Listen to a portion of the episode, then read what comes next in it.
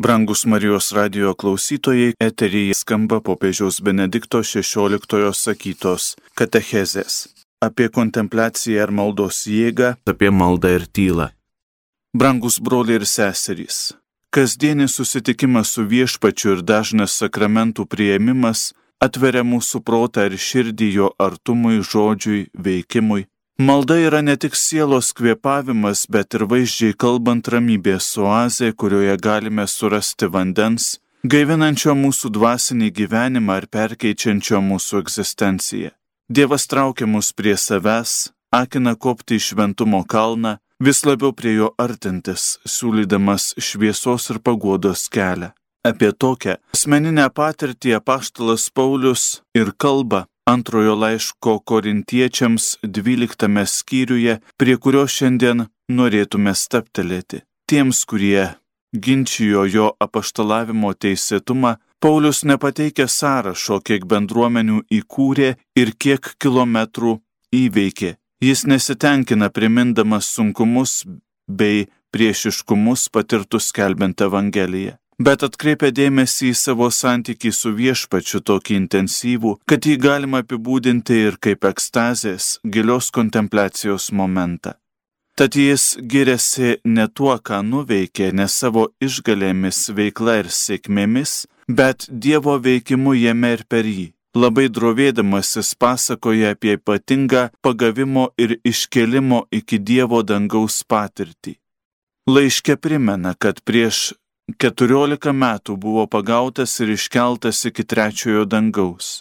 Šventasis Paulius pasakoja trečiuoju asmeniu pasitelkdamas tokį kalbėjimo būdą ir pasako tai, ko neįmanoma nusakyti žodžiais, praneša, kad vienas žmogus buvo pagautas ir paimtas į Dievo sodą, į rojų. Kontempliacija tokia gili ir intensyvi, jog apaštalas nepamena gautojo prieiškimo turinio, bet išlaikė atmintyje datą ar aplinkybės, kuriomis viešpats jį pasigrobė visiškai. Patraukė prie savęs lygiai taip pat stipriai, kaip ir kelyje į Damaską jo atsivertimo akimirką. Šventasis Paulius toliau pabrėžia, jog tam, kad dėl didingų apreiškimų neišpuiktų, jam duotas diglys kūne kančia ir jis karštai maldaujas prisikėlusi jį išlaisvinti jį iš to šėtono pasiuntinio, to skausmingo kūniškojo dyglio. Paulius sako, jog tris kartus primiktinai maldavo viešpatį, kad atitolintų nuo jo tą išbandymą. Kaip tik giliai kontempliuodamas Dievą, kai girdi slaptingus žodžius, kurių nevalia žmogui ištarti, jis sulaukia ir savo maldavimus išpildančio atsakymo. Prisikėlusysis aiškiai ir padrasindamas atsako, gana tau mano malonės, nes mano galybė geriausiai pasireiškia silpnume. Pauliaus pateikiamas tų žodžių komentaras gali nustebinti, bet drauge parodo, kad jis suprato, ką reiškia būti tikru Evangelijos apaštalu, jis sušunka. Todėl aš mieliausių norų girsiuosi silpnumais, kad Kristaus galybė apsigyventų manyje. Džiaugiuosi tad silpnumu, paniekinimais, bėdomis, persekiojimais ir priespauda dėl Kristaus, nes būdamas silpnas esu galingas. Tai yra apaštalas giriasi ne savo darbais, bet veikla Kristaus, veikiančio per jo silpnumą. Staptelėkime akimirką prie šio įvykio, nutikusio tais metais, kai šventasis Paulius atsidėjo tylai ir kontempliacijai prieš keliaudamas į vakarus skelbti Kristaus, nes ta gilaus nuolankumo ir pasitikėjimo nuostata apreiškiančio Dievo akivaizdoje yra iš pagrindų svarbi ir mūsų maldai bei gyvenimui, mūsų santykiui su Dievu ir su mūsų silpnumu. Pirmiausia, apie kokį silpnumą paštulas kalba. Kas tas diglys kūne? Nežinome ir mums nepasakoma, bet apaštalo nuostata leidžia suprasti, kad bet kokį sunkumą sekant Kristumi ir liudijant Evangeliją galima įveikti, jei su pasitikėjimu atsiveriama viešpaties veikimui. Šventasis Paulius gerai suprato, kad jis yra nenaudingas tarnas, didelius darbus daro ne jis, bet viešpats molinis indas, į kurį Dievas įdeda apščiai savo galingos malonės. Taip apaštalas Paulius kalba apie save. Intensyvios kontempliacinės maldos akimirką šventasis apaštalas Paulius aiškiai supranta, kaip sutikti ir išgyventi kiekvieną įvykį, pirmiausia kančias, sunkumus, persekiojimus, akimirką, kai pajaučia savo silpnumą, pasireiškia Dievo, kuris nepalieka likimo valiai, bet tampa paspirtimi ir jėga galybė. Žinoma, Paulius norėtų būti išlaisvintas iš to dyglio, tos kančios, bet Dievas sako, ne, tau tai nebūtina. Turi užtektinai malonės atsispirti ir daryti tai, ką turi daryti.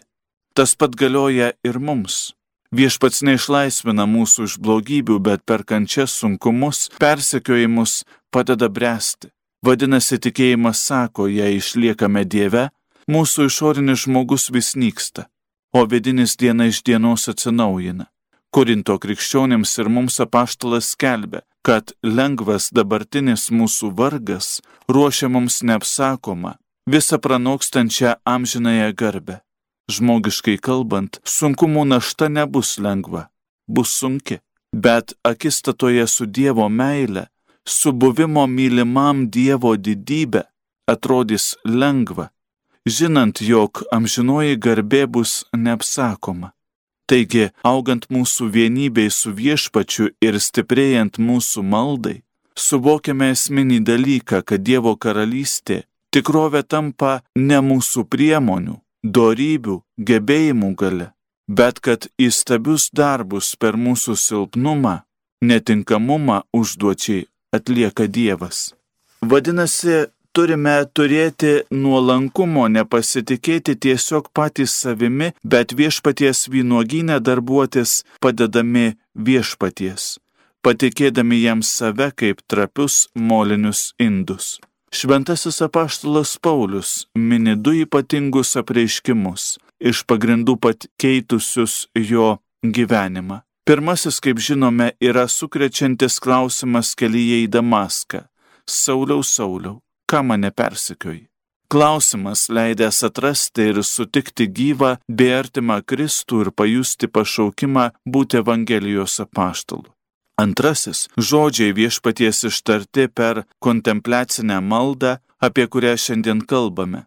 Gana tau mano malonės, nes mano galybė geriausiai pasireiškia silpnume.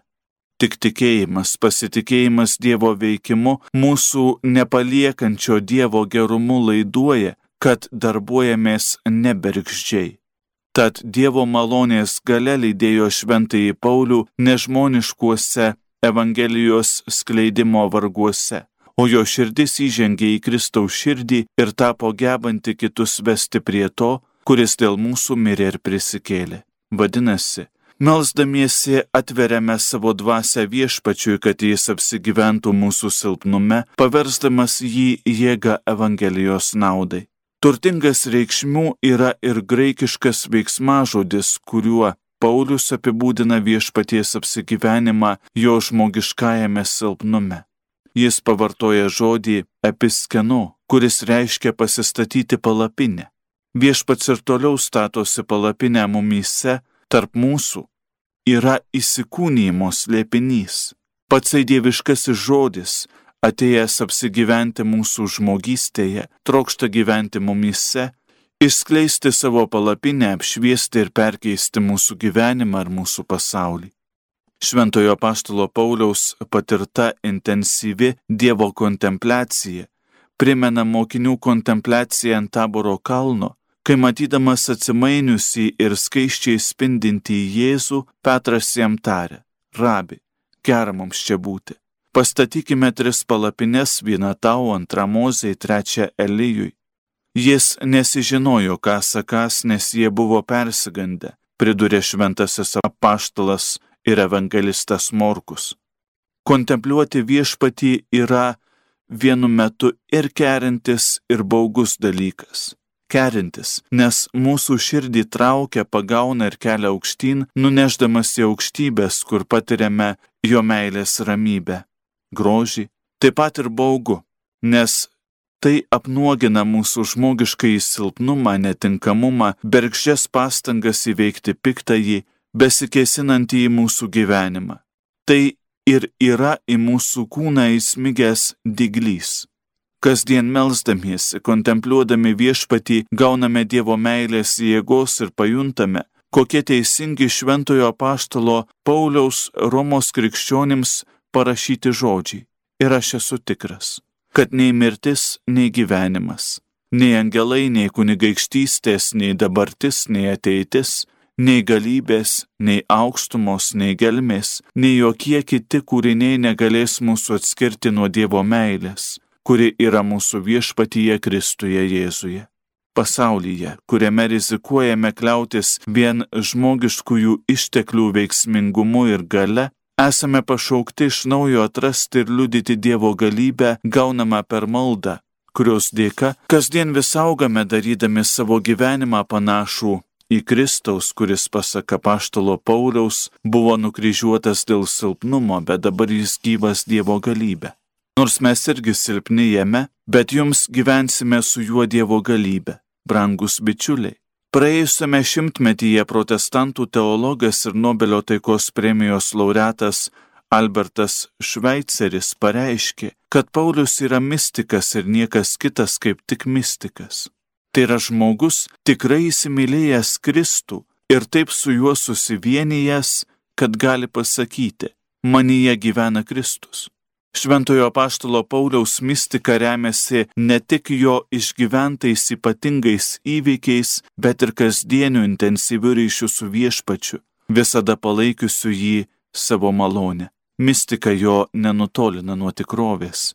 Priešingai, suteikia jėgos kasdien gyventi darbuojantis dėl Kristaus ir statydinti bažnyčią lygia nuo metinio pasaulio pakraščių. Vienybė su Dievu nenutolina nuo pasaulio, bet suteikia jėgų iš tikrųjų likti pasaulyje, atlikti jame tai, ką reikia atlikti. Tad ir savo maldos gyvenime galime patirti ypatingo intensyvumo akimirkų, kai gyviau jaučiame viešpaties artumą, tačiau labai svarbus ir pastovumas. Svarbu ištikimai puoselėti ryšį su Dievu, pirmiausia sausros, sunkumų, kančios, Dievo tariamos tolybės laikotarpiais. Tik pagauti Kristaus meilės galėsime pakelti negandas taip, kaip Paulius įsitikinę, kad viską galime tame, kuris mus stiprina. Vadinasi, kiek maldai skirsime erdvės, tiek mūsų gyvenimas keisis ir bus gaivinamas konkrečios Dievo meilės jėgos. Taip, pavyzdžiui, nutiko palaimintai Kalkutos motinai Teresai, kuri nors ir būdama trapi, Jėzaus kontempliacijoje būtent ir sausros laikotarpiais atrado galutinį pagrindą ir neįtikėtiną jėgą atpažinti jį vargšuose ir paliktuosiuose likimo valiai. Kristaus kontempliavimas savo gyvenime, kaip jau sakyta, netitolina nuo tikrovės, bet dar labiau įtraukia į žmogiškuosius reikalus, nes viešpats, traukdamas mus prie savęs, kai melžiamės, leidžia mums tapti artimais kiekvienam broliui jo meilėje. Brangus Marijos radio klausytojai girdėjote popiežiaus Benedikto XVI katechezę apie kontempliaciją ir maldos jėgą. Ši katechezė sakyta 2012 m.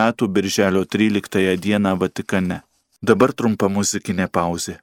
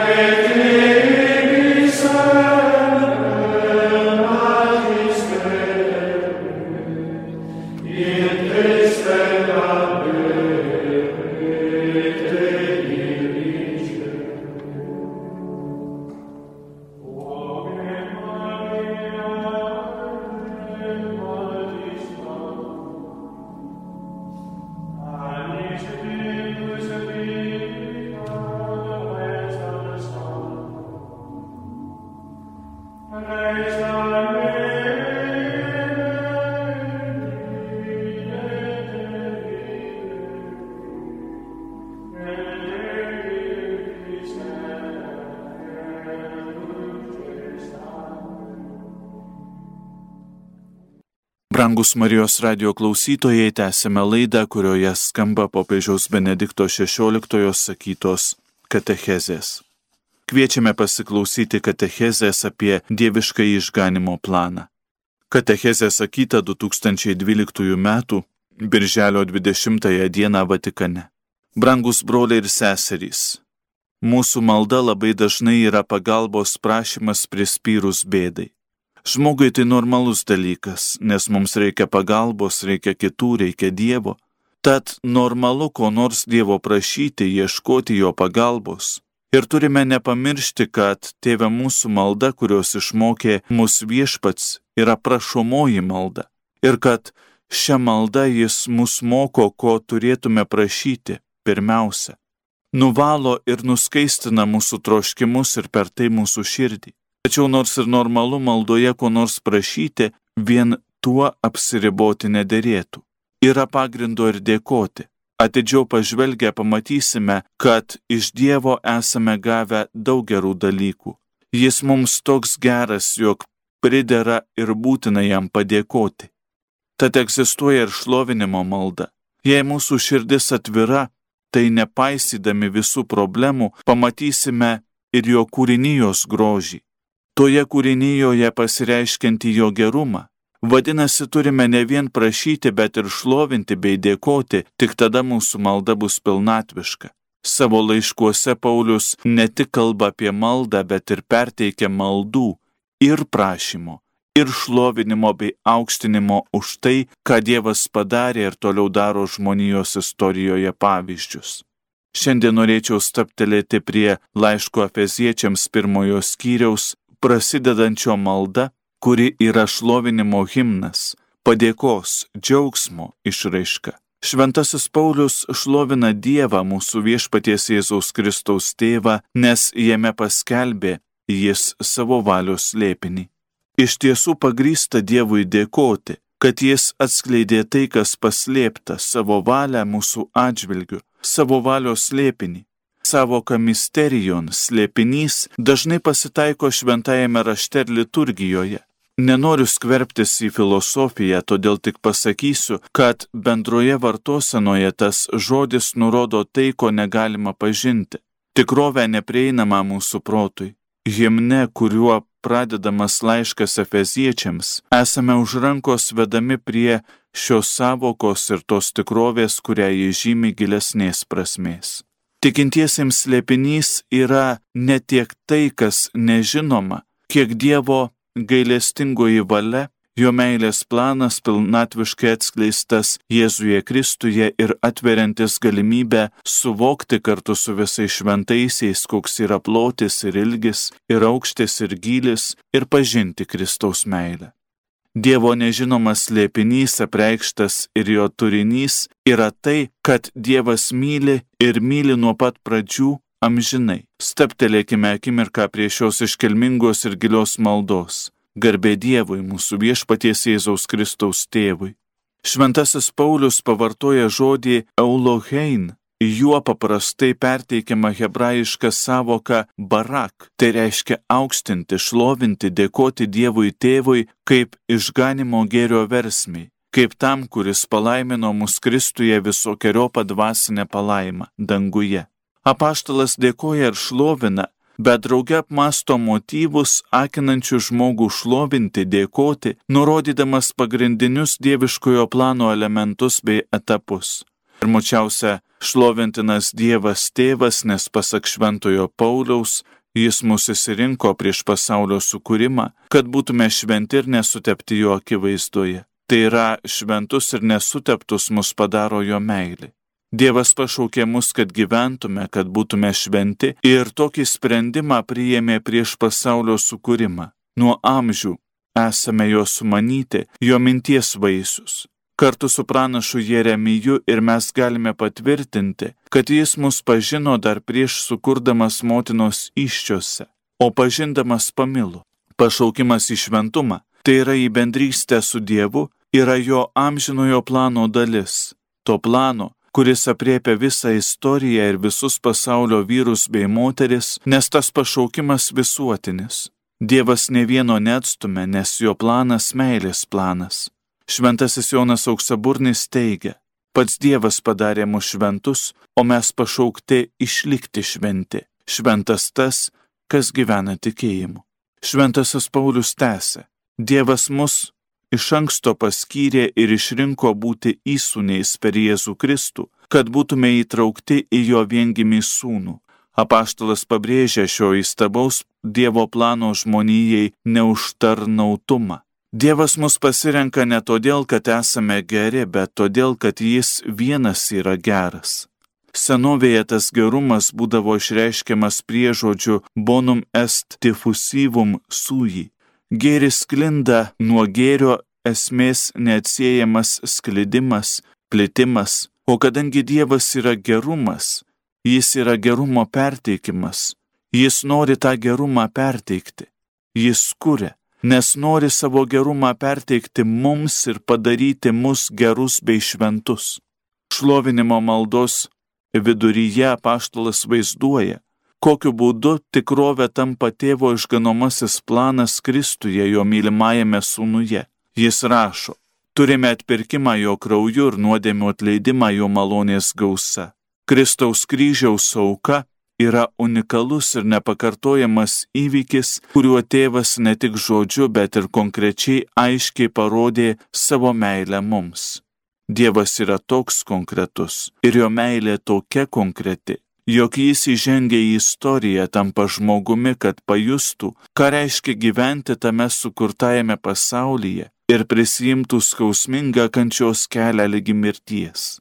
Dievo meilė tokia konkreti, kad jis dalyjasi ne vien mūsų būtimi, bet ir mūsų kančia bei mirtimi. Kryžiaus auka padaro mus Dievo nuosavybę, nes Kristaus kraujas išpirko iš kalties, nuplovė blogį, išlaisvino iš nuodėmės ir mirties vergyjos.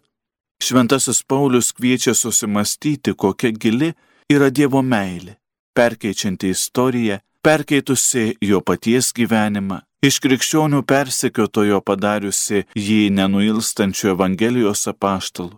Dar kartą atminkime padrasinančius laiško romiečiam žodžius. Jei Dievas už mus, tai kasgi prieš mus? Jeigu jis nepagailėjo nie savo sunaus, bet atidavė jį už mus visus, kaipgi jis ir visko nedovanotų kartu su juo? Ir aš esu tikras, kad nei mirtis, nei gyvenimas, nei angelai, nei kunigaikštystės, nei dabartis, nei ateitis, nei galybės, nei aukštumos, nei gelmės, nei jokie kiti kūriniai negalės mūsų atskirti nuo Dievo meilės, kuri yra mūsų viešpatyje Kristuje Jėzuje. Tas tikrumas būtent, kad Dievas yra už mus ir jokie kūriniai negali mūsų nuo jo atskirti, nes jo meilė stipresnė turi perskverbti mūsų būtį mūsų krikščioniškąją sąmonę.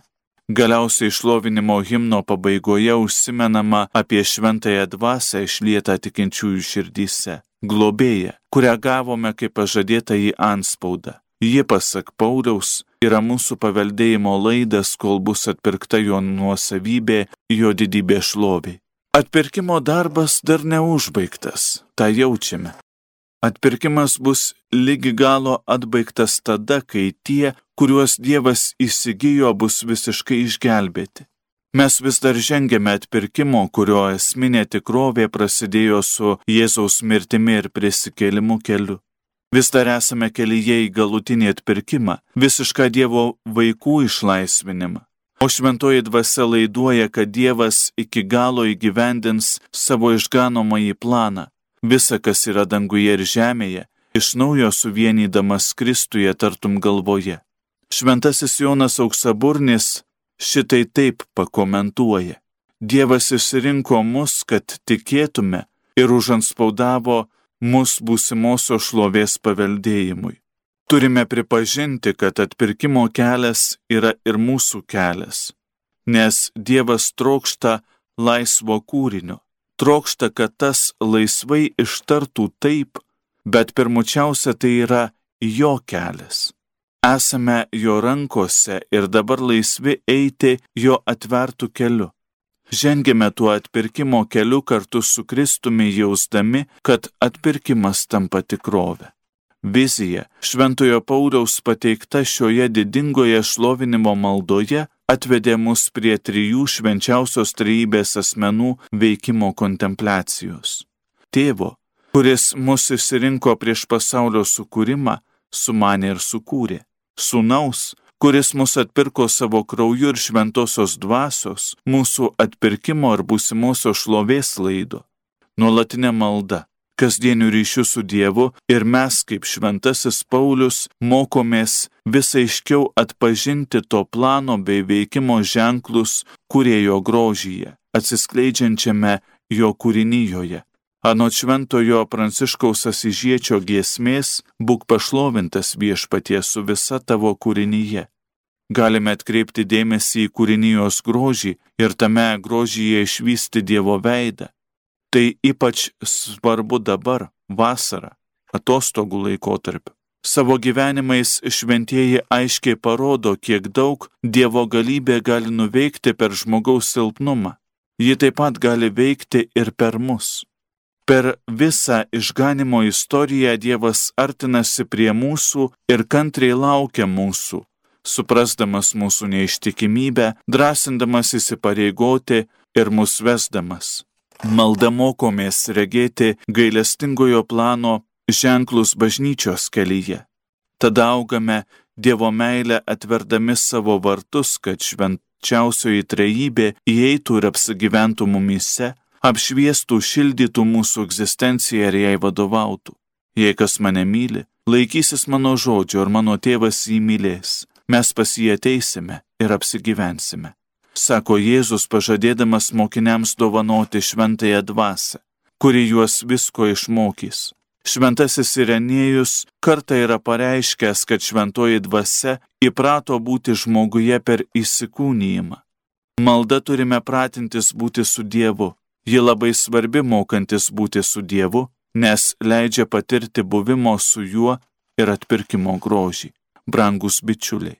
Tik tada, kai mūsų dvasinį gyvenimą maitina malda, tampame gebantys išlaikyti tai, ką šventasis Paulius vadina tikėjimo slėpiniu tyroje sąžinėje. Malda kaip pratinimosi būti su Dievu būdas ugdo žmonės, kuriuos įkvepia ne egoizmas, noras turėti, galios alkis, bet altruizmas, troškimas mylėti, tarnauti, tai yra Dievas ir tik taip įmanoma nešti šviesą į pasaulio tamsą. Draugė su šventuoju Pauliumi ir mes šlovinkime Dievą, nes Jis mums viską pasakė Jėzuje Kristuje ir dovanojo mums guodėję, tiesos dvasę. Laiško romiečiams pabaigoje šventasis Paulius rašo, tam, kuris gali jūs padaryti stiprius, kaip sako mano Evangelija ir Jėzaus Kristaus skelbimas, sekant apreiškimų paslapties, nutilėtos per amžinuosius laikus, o dabar atskleistos ir pranašų raštais amžinojo Dievo įsakymų paskelbtos visoms tautoms, kad jos paklustų tikėjimui, vienam išmintingajam Dievui per Jėzų Kristų šlovė amžių amžiais. Amen.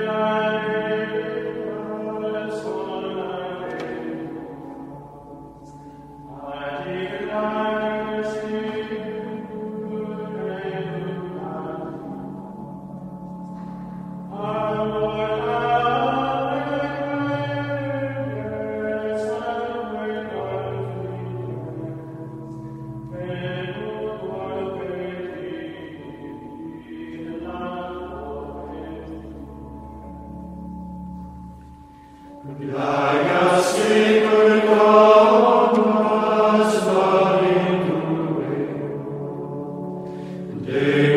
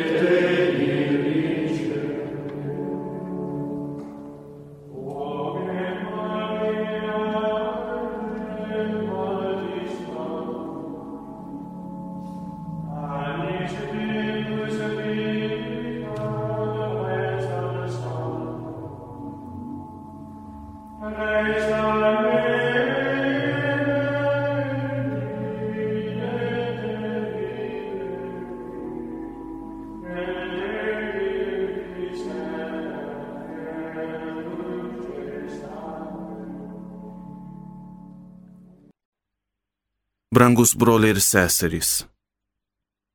Anksčiau esu kalbėjęs apie Jėzaus maldą.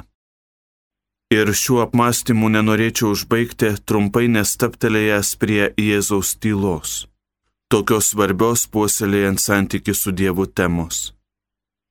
Posinodinėme apaštališkajame paraginime verbum domini atkreipiamas dėmesys į tylos vaidmenį Jėzaus gyvenime, pirmiausia, ant Golgotos kalno. Čia susidurėme su žodžiu apie kryžių. Žodis nutyla, virsta mirtina tyla, nes įsisakė iki galo, nieko iš to, ką turėjo pasakyti savo nepasilikdamas. Turėdamas prieš akis šią kryžiaus tylą, šventasis Maksimas išpažinėjęs, Dievo motinai į lūpas įdeda pasakymą. Be žodis yra tėvo žodis, sukūręs kiekvieną kalbantį kūrinį, negyvos akis to, kuriam tariant žodį ar duodant ženklą juda visa, kas gyva. Kristaus kryžius ne tik pateikia Jėzaus tylą kaip galutinį žodį tėvui, bet ir parodo, kad Dievas kalba per tylą. Dievo tyla.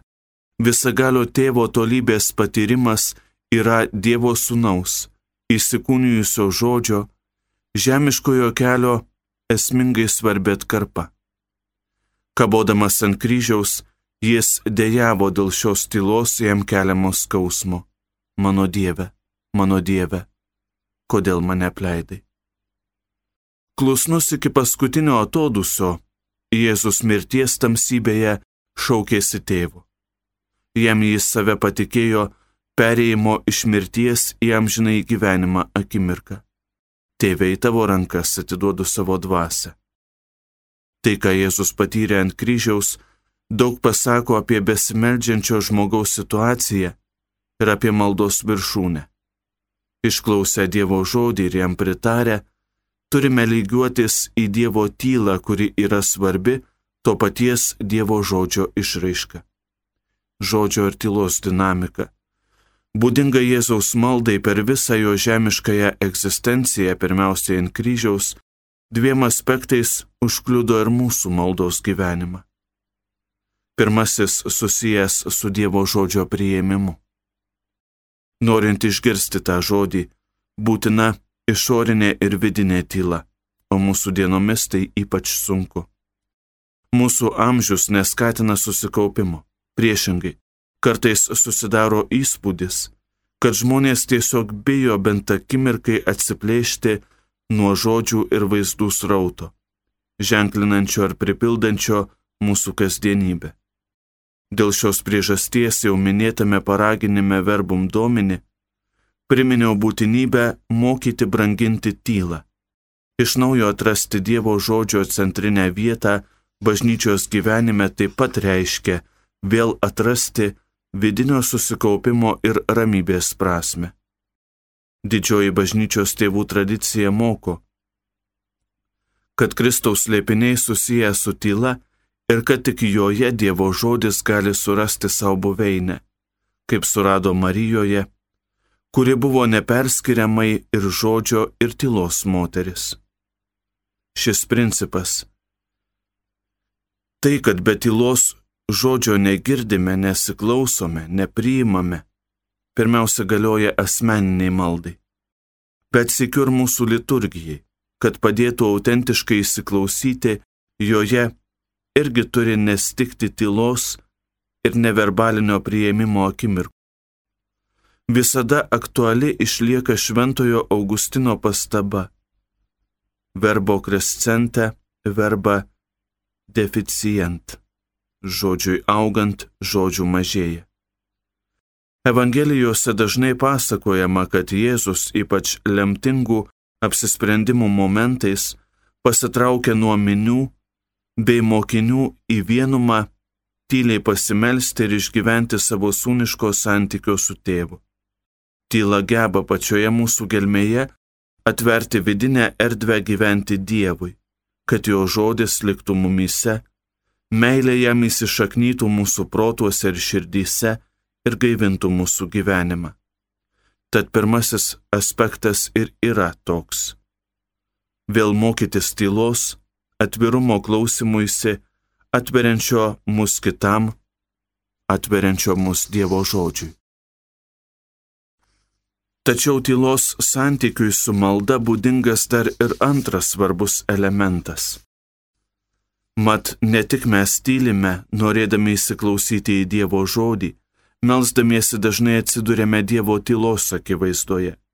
Jaučiamės apleisti, mums atrodo, kad Dievas mūsų nesiklauso ar neatsako, tačiau tokia Dievo tyla, patirta ir Jėzaus, nėra jo tolumo ženklas. Krikščionys gerai žino, kad viešpats yra arti ir klausosi net kančios, atmetimo ir vienatvės tamsoje. Jėzus nuramina mokinius ir kiekvieną iš mūsų patikindamas, kad Dievui kiekvieną mūsų gyvenimo akimirką gerai žinomi mūsų poreikiai. Jis moko mokinius. Melsdamiesi nedaugia žodžiaukite kaip pagonys. Jie tarėsi būsę išklausyti dėl žodžių gausumo. Nedarykite taip kaip jie. Jums dar neprašius jūsų tėvas žino, ko jums reikia. Atidi, tyli, atvira širdis yra daug svarbiau žodžių gausa. Dievas artimai mus pažįsta daug giliau negu pažįstame patys save. Jis mus myli ir to žinojimo turi pakakti. Čia labai reikšminga tai, ką Biblijoje patyrė Jobas. Šis vyras greitai netenka visko - šeimos, turto, draugų sveikatos, atrodo, kad Dievas jį visiškai apleido. Jo atžvilgiu jis laikosi visiškos tylos. Vis dėlto Jobas nenutraukia santykio su Dievu, kalbasi su juo, šaukia jam, maldoje nepaisydamas visko, išsaugo savo tikėjimą ir galiausiai atranda savo patirties ir Dievo tylos vertę. Tada kreipdamasis į kurėją padaro išvadą. Buvau girdėjęs gandus apie tave, bet dabar mano akis regi tave. Mes beveik visi pažįstame Dievą iš gandų, ir juo labiau atsiveriame jo tylai, juo labiau jį iš tikro pažįstame. Šis didžiausias pasitikėjimas, atveriantis kelią į netikėtą susitikimą su Dievu, bręsta tyloje. Šventasis Pranciškus Ksaveras melsdavosi sakydamas viešpačiui. Myliu tave ne todėl, kad gali man dovanoti dangų ir pasmerkti į pragarą, bet kad esi mano Dievas. Myliu tave, nes tu esi tu. Baigiant mūsų apmąstymus apie Jėzaus maldą, į galvą ateina pamokomų žodžių iš katalikų bažnyčios katekizmo. Maldos tikrovę mums tobulai apreiškė žodis tapęs kūnu ir pasiliekantis tarp mūsų. Stengtis suprasti jo maldą, apie kurią mums kalba jo liudytojai Evangelijoje, reiškia artintis prie švento viešpaties Jėzaus kaip prie degančio krūmo. Pirmiausia, kontempliuoti jį patį besimeldžiantį, paskui klausytis, kaip jis mus moko melstis ir pagaliau patirti, kaip jis išklauso mūsų maldas. O kaip Jėzus mus moko melstis?